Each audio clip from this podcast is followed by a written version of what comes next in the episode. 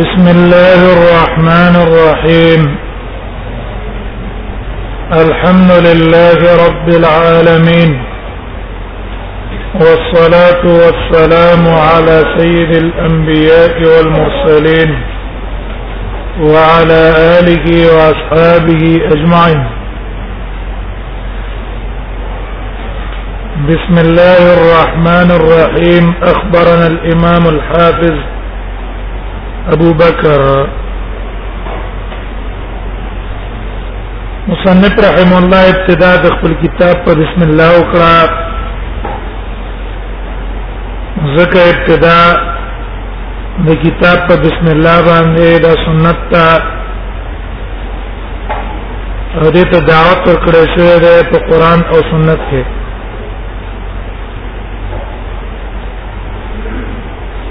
د مصنف رحم الله اکتفا وکړه صرف په تسمیه پشان ته اکثر متقدمینو امام مالک موطا لیکله موطا کې صرف اکتفا په تسمیه کړه مصنف د عبد الرزاق کتاب لیکلی دی صرف اکتفا په بسم الله کړه امام احمد رحم الله صرف اکتفا په بسم الله کړه او امام بخاری اکتفا په بسم الله کړه بسم الله الرحمن الرحیم کیف کان بدل وحی او امام ترمذی اکتفا صرف په بسم الله کړه بسم الله الرحمن الرحیم ابواب الطهور عن رسول الله صلی الله علیه وسلم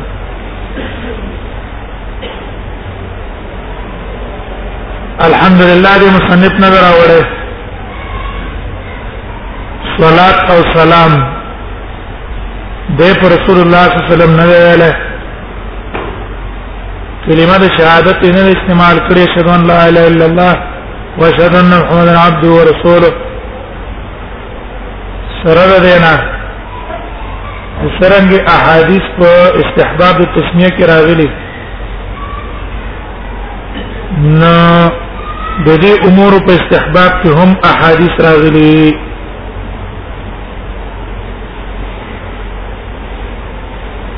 الحمدلله بارک حدیث راغله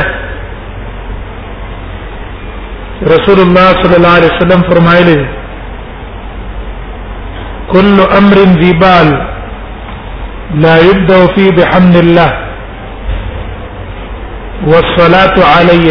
فهو ابتر كل امر ذي بال هر اغكار شفاغي پور تعلق د اراده راځي او پای کې په الحمدلله باندې شروع او نشوا والصلاه علی او فما باندې به درود پنه ویل شو فهو ابتر اقطع ممحوق من كل برکه دا ابتر ده هر برکت د دینه ختم ده روایت دی لمی سے براوړه د ابو هريره رضی الله عنه ورهاوی سے بوای حافظ رهاوی غریب ضعیف سندم غریب دی او ضعیف دی بل دست كل امر ذي بال لا يبدا فيه بحمد الله فهو اقطع ورد حدیث کې حمد امر راغی او صلات امر راغی چې ابتدا په اونکړې شي نو دا عمل به برکت ہے شهادت مبارک روایت ته امام ابو داود راوړه او نور علماء راوړه د ابي هريره څنګه رسول الله صلی الله علیه وسلم فرمایلی كل خطبه ليس فيها تشهد فهي كاليد الجزمه كل خطبه ليس فيها تشهد فهي كاليد الجزمه هر هغه خطبه چې پای کې تشهد نه نو دې حیثیت ته په شان ته د جزامي لاس جزام بیماری ده انسان ته چې ولګي د بدن نه غوخي پیږي دغه څه د دې حیثیت هم داغه پرنګ ده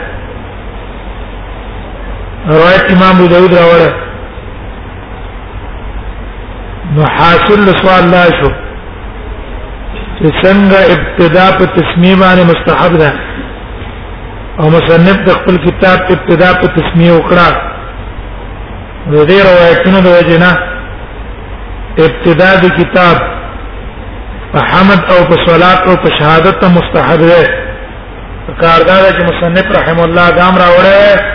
او صرف اکتفا په تسمیه نه وکړه دې اعتراض علما جوابونه کړي دا اعتراض په امام بخاری نه دا اعتراض په امام ترمذی نه علما جوابونه کړي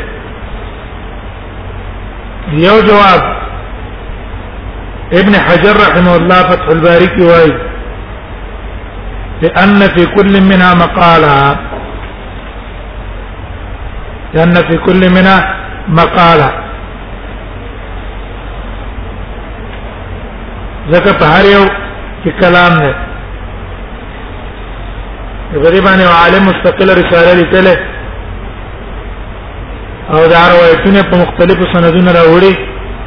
او په هر یو باندې کلام کړه دویم جواب دا دی مانا په هر یو کې کلام شو استحباب د ابتدا په دې ته معلومه نشو نه ځکه مصنف په نکړو دویم جواب دا دی کومنګ دا اومنو سلمنا صلاحیت للحجیه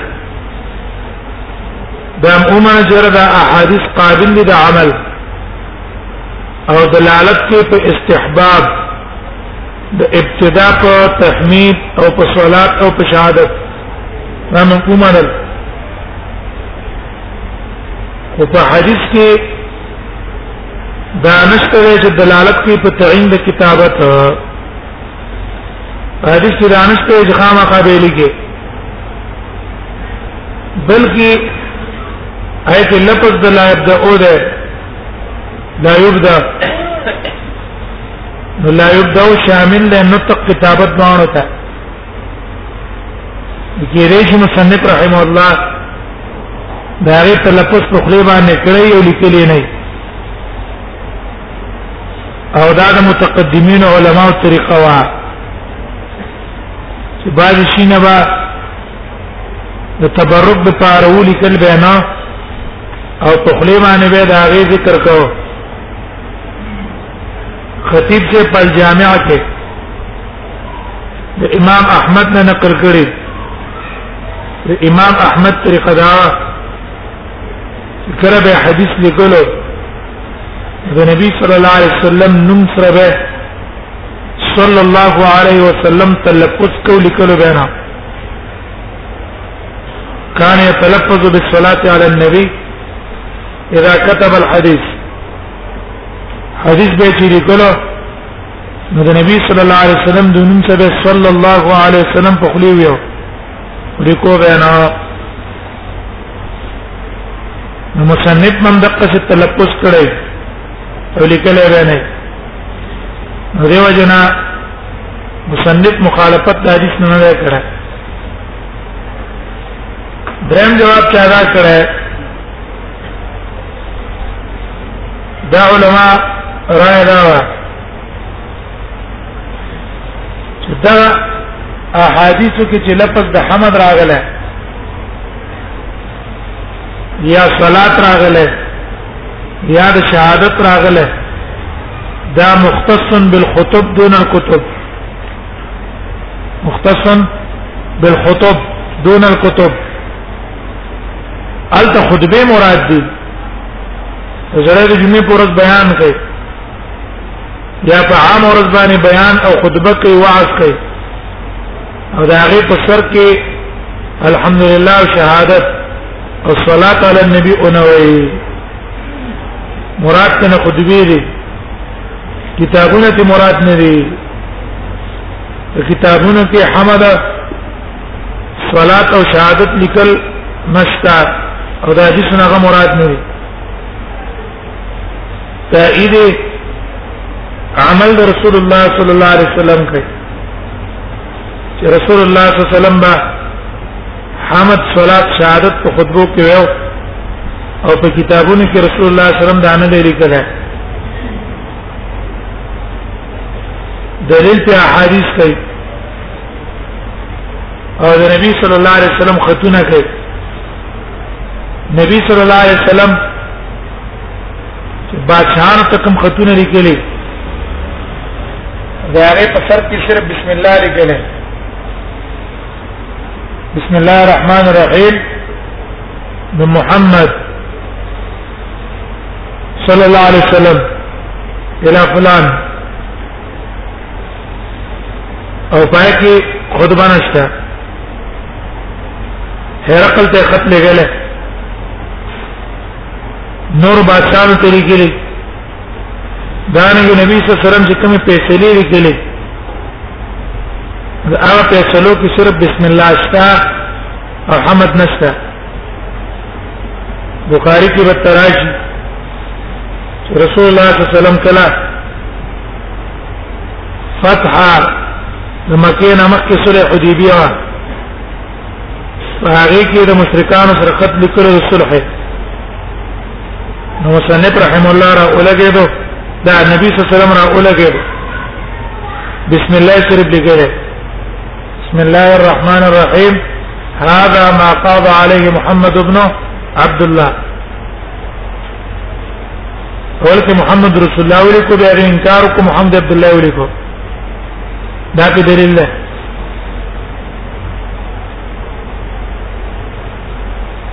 دریم جواب څلورم جواب هغه دا ده چې د مختلفو احادیثو مطلب یو ده هغه دا چې په ابتدا د کار کې بد الله ذکر کې کفاره طریقه وي مقصود احادیث ذکر الله في ابتداء الامر باي طريق د الله ذکر کول په ابتدا د کتاب کې دي کدا ذکر پاره طریقه وي کدا ذکر د الله په صورت د تسمیو شو کدا ذکر د الله په صورت د حمد شو که په صورت د صلات شو که په صورت د شهادت شو مراد کنه دا ده دلیل په حدیث ته حدیث یو روایت کې راځي كل امر ذي بال لم يبدا بذكر الله روایت مسند احمد ده كل امر ذي بال لم يبدا بذكر الله فهو اقطع وابتر هر هغه کار چې الله په ذکر باندې شروع ونشي هغه کار به ابتري لفظ ذکر الله شامل له ټول ته او دا ذکر الله مصنف وکړو په تسمیه دیو جنور ته ضرورت پاتې نشو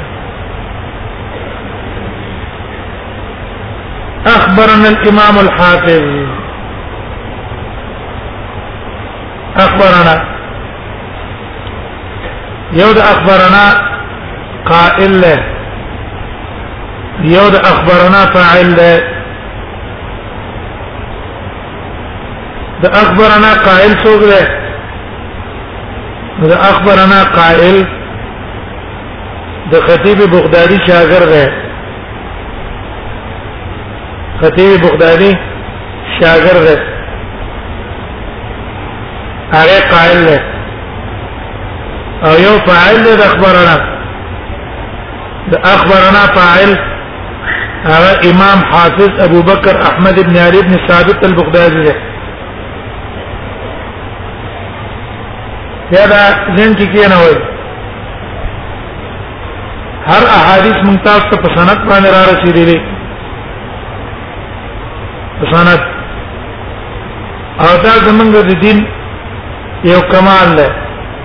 چې هر جزیه او هر خبره مونږ رسول الله صلی الله علیه وسلم ته په سند باندې رسولې شو يهود او نصارا دا نشي کولای بلکې هغه هغه چې خبره خپل پیغمبر ته نشي رسولې پاتې سلا وړي جزيه ازمن تاسو هر جزيه رسول الله صلی الله علیه وسلم ته رسولې خطیب سے قول له هغه ولو شئت ان تحك راسك بالشر ففعل وتدا غواړي چې خپل سر په حدیث باندې وګره صفه لغوکا والسر حدیث مطابق وګرای نو هغه وکړه د هیڅ معلوم څه ده یو معمولی عمل هم رسول الله صلی الله علیه وسلم تر رسولش اثر ګرول دا رسول الله صلی الله علیه وسلم تر رسولش نو دا سند ضروری ده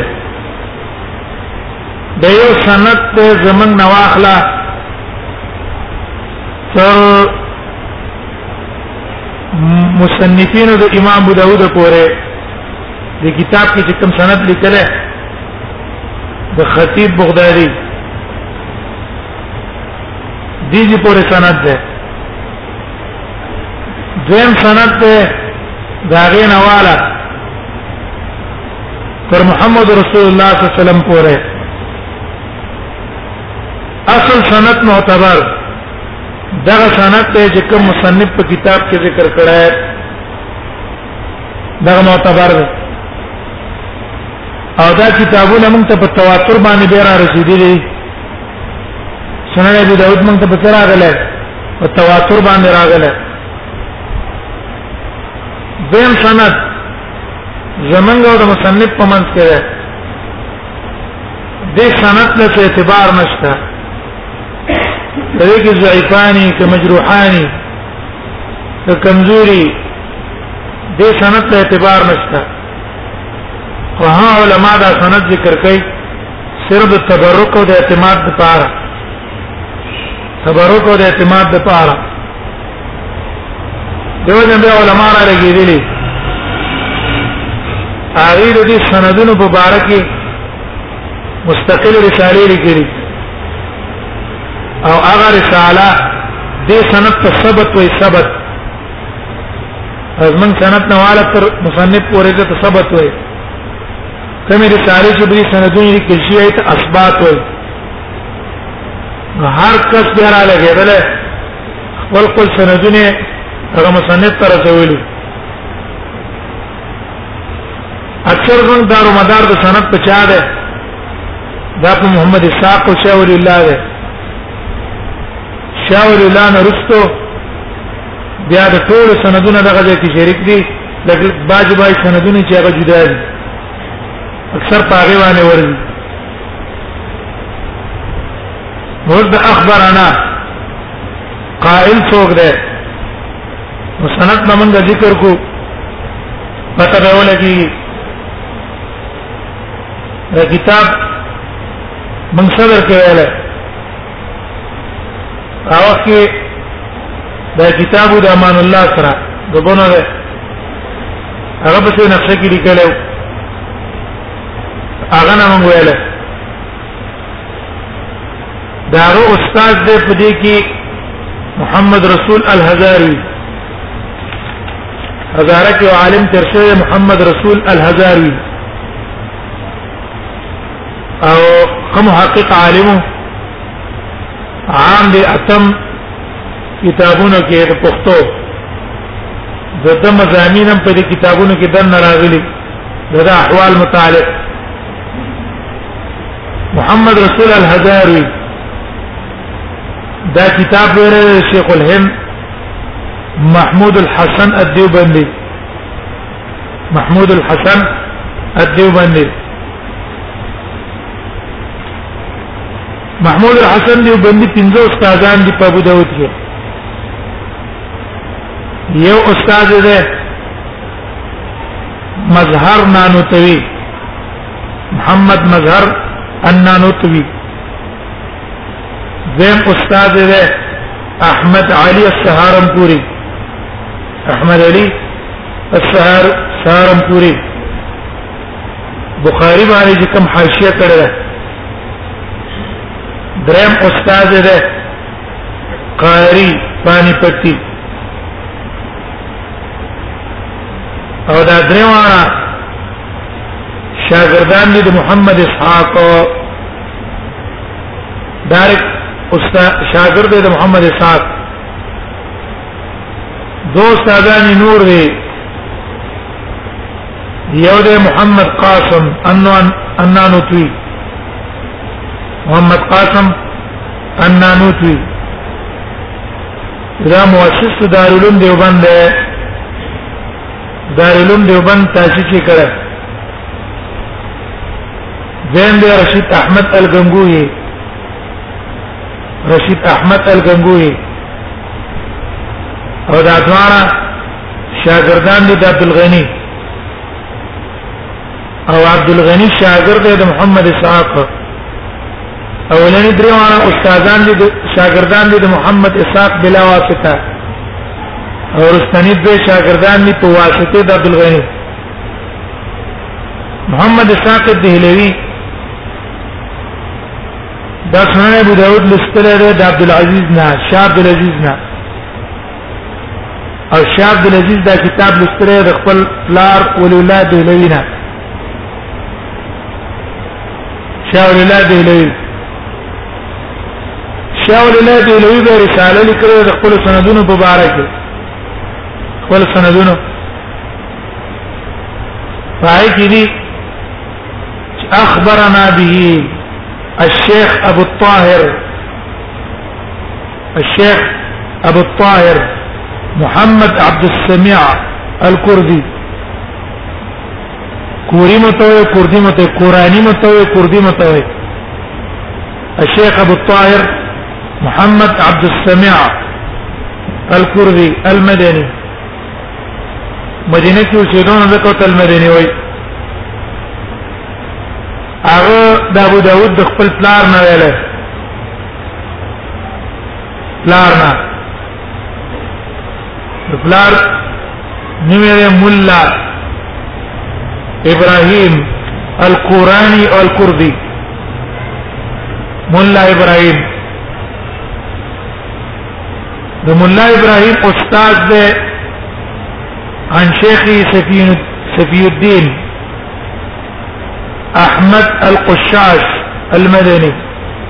عن شيخ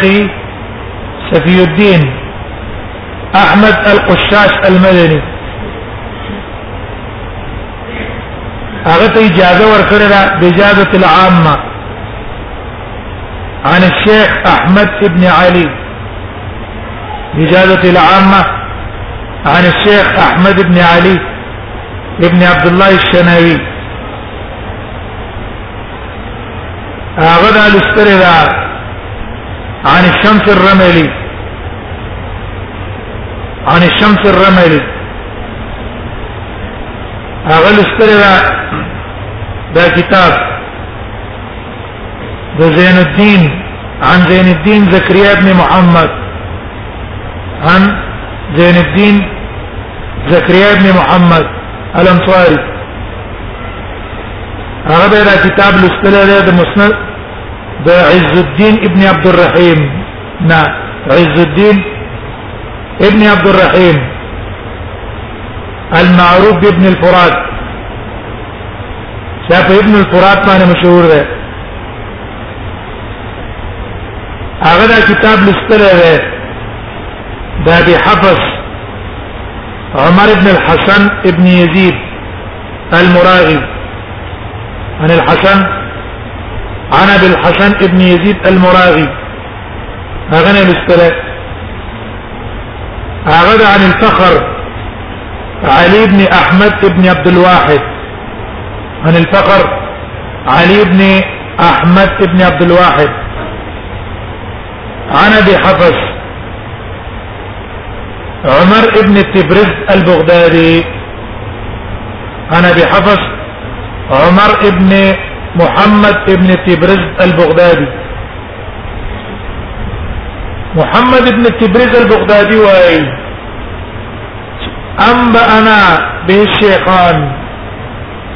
وما ابو داود دو استاذان ویله يود ابراهيم ابن محمد ابراهيم ابن محمد ابن منصور الكرخي ابراهيم ابن محمد ابن منصور الكرخي ذم ابو الفتح مفلح ابن احمد الرومي ابو الفتح مفلح ابن احمد الرومي سماعا عليهما موت سماع سمع كره قال انبانا به الحافظ قال اخبرنا الامام الحافظ ابو بكر احمد بن علي بن ثابت الخطيب البغدادي اوس اخبرنا فاعل څوک شو اخبرنا فاعل دا قائلین دو شو یو ابراهيم ابن محمد ابن منصور الکرخی ده ابراهيم ابن محمد ابن منصور الکرخی ده او دویم ابو الفتح مفلح ابن احمد الرومي ده دا دوان وای اخبرنا الامام الحافظ خبر را کړی مونږ ته امام حافظ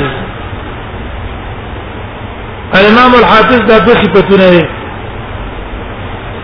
بعض علماء را لګي دي هغه یو خاص اصطلاح مقرر کړي حاکم او حافظ او حافظ حاکم هغه توای چې ټول احادیث ته یاد حافظ هغه توای چې په لکه او احادیث ته یاد اکثر ته یاد لکه پوه شي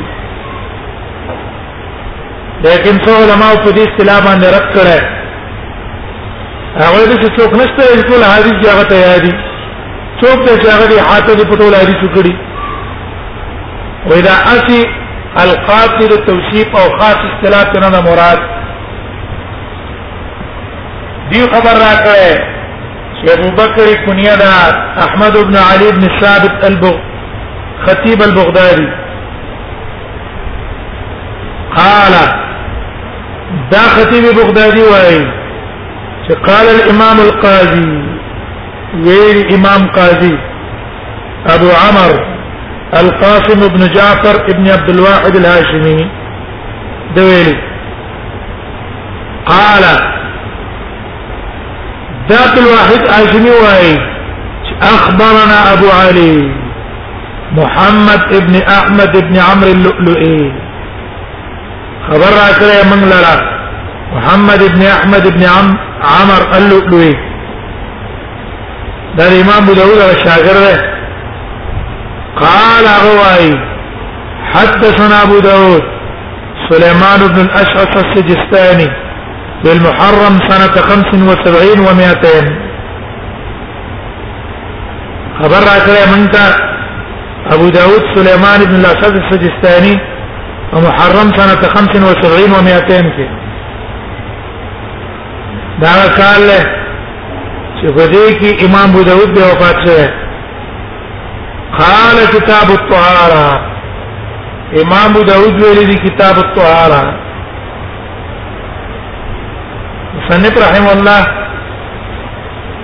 ابتدا د کتاب د طهارت نو کړه وجدارا د طهارت یو قوي شرط د شروط د صلات نه چې بغیر د طهارت نه مونږ کیږي نه او مونږ د افضل العبادات په ټول عبادتو کې افضل عبادت ده او اعظم ارکان الاسلام بعد الشهادتين د کلمې د شهادت نورستو غټ رکن دا رکن د مونږ دی دیو جن مصنف رحم الله کلام مقدم کو د طهارت مبارک او ویل کتاب الطهاره ویدارا چې طهارت شرط دی د پاره د مانځو او قاعده دا د شرط مقدمه کو مشروط باندې شرط مقدمه کو مشروط دیول کتاب الطهاره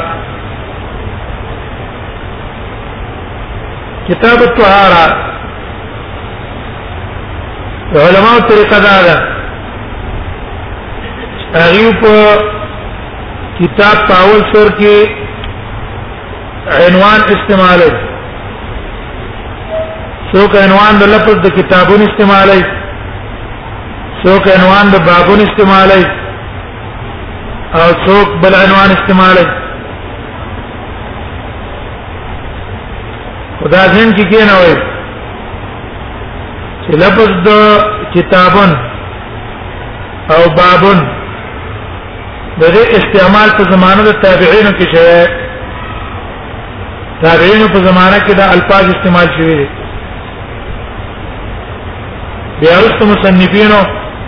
په خپل کتابونو کې دا استعمال لاوړل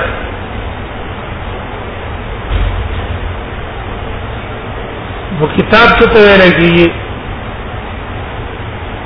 کتابون دا مصدر ده لغت کې لګي په معنا د جمع او جمع جمع اب وضم عرب كتبت القربة كتبت القربة على لګي کله مش کېدلې او پښتنه باندې وګڼډې دی او بل سره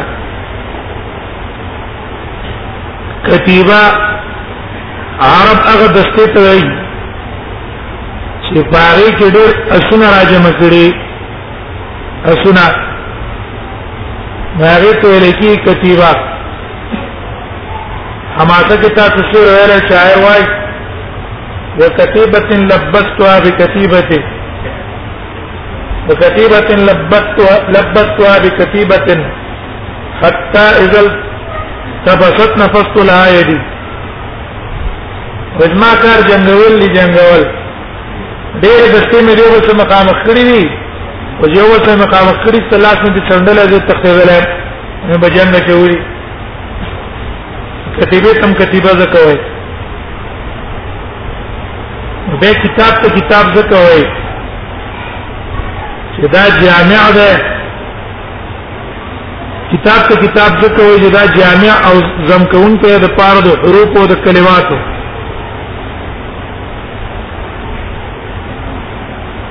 په اصطلاح علماء کې کتاب څه ته وایي لم تعریف علماء کړه چې کتاب اسم لجملة من العلم اسم لجملة من العلم مشتملة على أبواب وفصول غالبا اسم لجملة من العلم دا نوم دی د تفسیر علم لپاره چې دا مشتمل په ابواب او په فصول غالبا د کتاب لاندې غالبا عنوانات د ابواب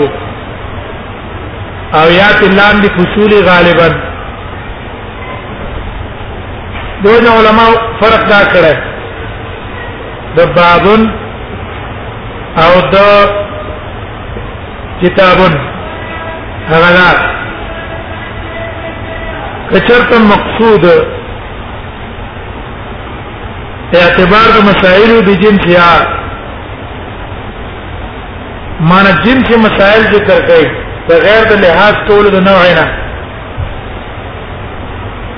مقصود به کیږي جنس د مسائل بغیر د لحاظ کولو د نوع نه علماء دا غینا تعبیر کوي په کتابون سره او کوم مقصود بیان د مسائل په اعتبار د انواع مقصود بیان د مسائلو په اعتبار د انواعو معنا یو نوع بیانای دا غیر تعبیر په بابون سره کوي او کوم مقصود په مسائل باندې شي انفصال البعض بعض الجزئيات اما قبلها چې دا جزئیه د مسکینه جزینه راځي دا کول غیر دي البته مصنفین علما فصل عنوان دی فصل مسمى کې په فصل باندې ویا چې د فصلون د کتابون او د بابن دې په منځ کې نسبت ته جنس نوع فصل صنف ده کتابون جنس ده شان تر حیوان بابن نوع ده په شان تر انسان او فصل دا سم ته لکه وی الانسان رومي یا الانسان حبشي رومي او حبشي کې تا دا انسان را جدا کړ د نور اجزاونه الطهارات طهارتم مصدر ہے د باب د نصرین سرونه ده ولغت کې لکی نظافت تا نظافت من الادناس ځان پاکول د خیرونه برابر خبره کده اخیری حسی لکه انجاز انجاس معنا خوشی متیازی اڑکی متیازی یا داغه پشان نور کم ګندګی دا داغه نزه پاکول بدن پاکول جامه پاکول مکان پاکول دته رکی طهارت او یادا معنوي نظافت دي څنګه د ادناس معنوي او نه لکه عیوب شو یا سره کوشش دا کوي چې ځان غلط صفت او غلط خوې باز خسته صفات او خسته خوې نه بزان کې راولي دین ځان پاکول دته ویل کېږي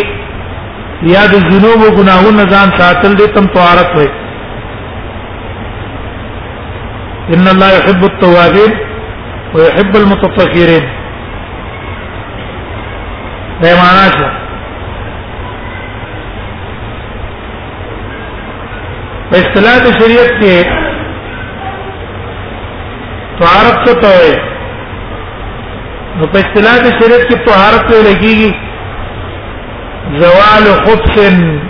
او حدث بمطهر زوال خبث او حدث بمطهر حدث یا خباثت ځان نه ځای لکول فرق دا دی حدث به ودسه او دسته نشتا یا جنوب صدا جنابت یا دا د دسی ځان نه زایل کې متطهر متطهر یا وګدي او یا خاور د عند فقد الماء او عدم القدرة عليه وبنشتا یا شته خو ته قادر په استعمال نه په دغه ټیم کې تعالی لپاره متطهر او خاور ده په دې باندې دا زایل کو او یا حد خبثی خبث جامه باندې ګندګي لګېدلې په بدن دې ګندګي لګېدلې یا په مکان کې دې ګندګي پرته ده کوم ځای کې عبادت کې دا زیب په پاک شلره کې نو دې ته ورکی طهارت د غزالی صبر نه کېدلې هغه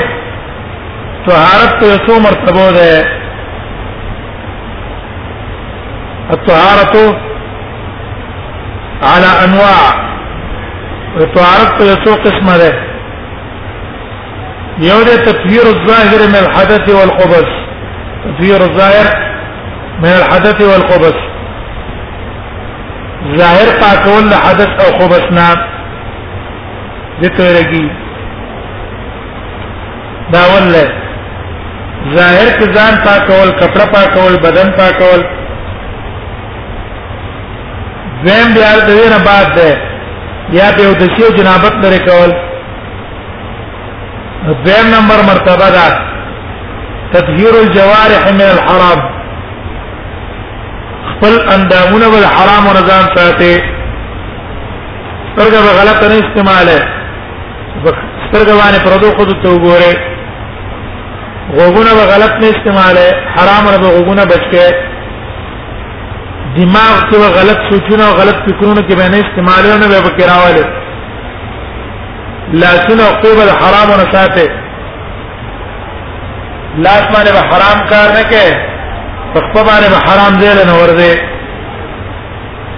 دا دیم قسم تعارف ته بیا د دین ورستو تطهير القلب من الاخلاق المذمومه خپل زړه د بدو اخلاقونو پاک ساتي غلط خیالات غلط تصورات په بدل کې نه راول حسد به په بدل کې نه کینه به په بدل کې نه شح به نه شح د بل په ترقې باندې خپکیږي دا به نه پلانګې ولې عالم شو ولې الله ترقی ورکړه ولې الله د مال ورکړه دې به خپکیږي نه دا به پاک کې غیبت نه به زړه پاک ساتي وغیر ذالک چې کوم ډیر ګندونه دي پزړه کې ډیر امراض دي په دې زړه کې پراته دي غفلت ته الله نه عدم انابت ته قسوت ته وغیر ذلک مزربه د اخلاق او مضمون پاک شاته بیا دا غین ورستو سلرا مرتبه د تطهیر سر عما سوى الله تطهير السر عما سوى الله خپل راز ما نظر کې به د غیر الله خیالات او تصورات نه راولې دا غینه به زړه پاک ساتي هر عمل کې به د غرض رضا د الله وي چې الله ما نه رضا شي دا به د غرض او مقصد وي نو دې ته لري طهارت سلورم نواز دا هر یو نوع طهارت په مونږ تاسو حاصلو ظاهر طهارت هم کو اندامونه هم پاک ساتو زړه هم د بدی صفات نه پاک ساتو او په زړه کې به اخلاص راوړو ریابت ختمو او شرع ما شو الله به وباس باب التخلي عند قضاء الحاجه مصنف رحم الله ابتداء وکړه په آداب الاستنجاء یو خو دې وجه دا ده علما وايي یو تن اراده ده چې او دس کوي دا هغه لپاره مستحب ده دي هغه څوک چې او دس کوي یا غسل کوي نو دا هغه د پاره مخکې او دس ماتول مستحب دي چې مخکې ځان د دس مات نه فارغ کی به راغې نه بعد او دس کی یا غسل کی او دا استحباب د عمل د رسول الله صلی الله علیه وسلم رښتره ده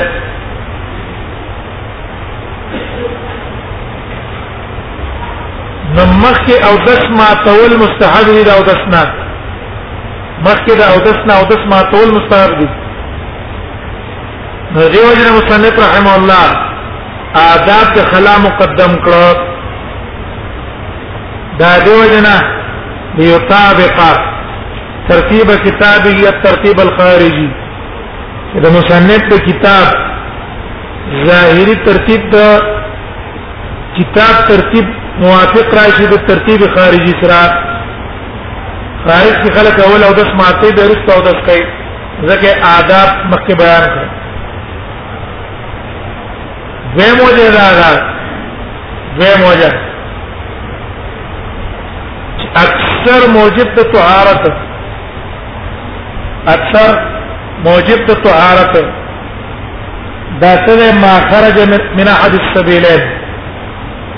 ما خرج من احد السبيلين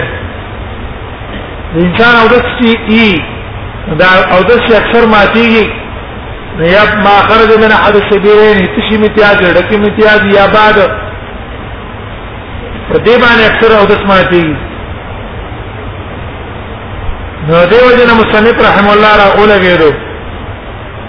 را اولګېدو نو تک ابتدا د کلام وکړه په آداب د قضاء الحاجت دغه جدا اکثر سبب ته لپاره د نقص رجوع او آداب بیان کړو او د سماعت یې نو د آداب لحاظ په کې ساتل پکار دي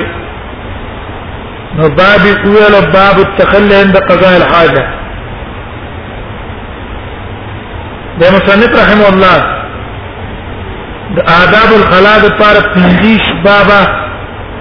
اخیری پنځیش بابا او په پنځیش تو بابو کې آداب د بیت الخلا بیان کړی تاسو چې څوک وایي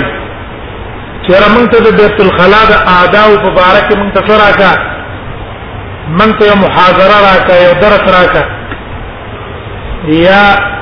آداب د کلام ته په ځای کې ولیکا امام داود راواړه او دغه ابواب کې آداب بیان کړی په ترجمه الباب کې او آداب ته کېدو دلیل راوړ نو پنځیش آداب د ذکر کړي امام ترمذی شارح ده عارضة الحوزي والا ابو بکر ابن العربي هغه را لګیدل دی هغه دیش آداب ذکر کړی دی په خپل شرع کې دیش آداب د پاره د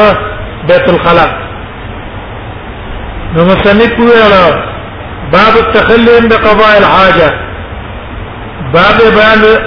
استحباب د تخلي په وخت او د سماعت کې مصنف ته باب ولې کې خوستو عند قضاء الحاجه د پار د رد په عادت جاهلیت جاهلو د عربو عادت ته جاهلیت د عربو والا غریب د یو بل په مخ کې ډک او د سماعت ته تش او د سماعت ته به بد نه غنلو ولی قوم کې چې کومه خبره راځي شي عام شي دا غیس پر رتبه او نحوست تغیر د ژوند کوزي د ورځې د ورځې با د ورځې باندې په بربند تواب کو د شپې په بربند خود تواب کو یو بل ته قتل به شاید نه غواړم سره د جمبار یورپی علاقو ته چلاړ شو برتانی ته امریکای ته هیلند ته دې ملکونو ته دلته ازادي دا عام رواج ده غچا خزا یا د چالور یار چا خو چا کان دیواری کوله لا تعهد نه ده بلکې د حکومت نه پابندی ده کاری ته دي ویاله راغینه حساب ختم نه دا عام رواج شوی ده طلب تزا لانکی دی تزا یا کوم پښتنو ته بد بد کوی نه دی رواج شوی ده نیو جناغه نه حساب ته به نه کاری نو دین د قصری واجب امام داود باب کې غوښته باب التكلم د قضاء الحاجه چې باب بیان د یواجوالی کې عند قضاء الحاجه په وخت د سماعت کې وسره او د سماعت دا هغه لپاره تخلي به تر را ځان یو طرف ته کیو د چا شریک کیږي نو دا باب یې کې خوستو نو دا ترجمه الباب شو او یو مسله بیان کړه او د سماعت ټیم کې لره تل دا مستحب دي نو اوس دا غیر پر دلیل لوري وبه قال حدثنا عبد الله بن مسلم بن قانب القانبي قال حدثنا عبد العزيز يعني ابن محمد عن محمد يعني ابن عمرو عن ابي سلمة المغيرة بن شعبة ان النبي صلى الله عليه وسلم كان اذا ذهب المذهب ابعد ورسول الله صلى الله عليه وسلم بچتلو د سماتي ته اب आद لری بلارو لری بلارو دلته د سند متعلق خبره او بیا تشریح د حدیث ربین سره به وکړو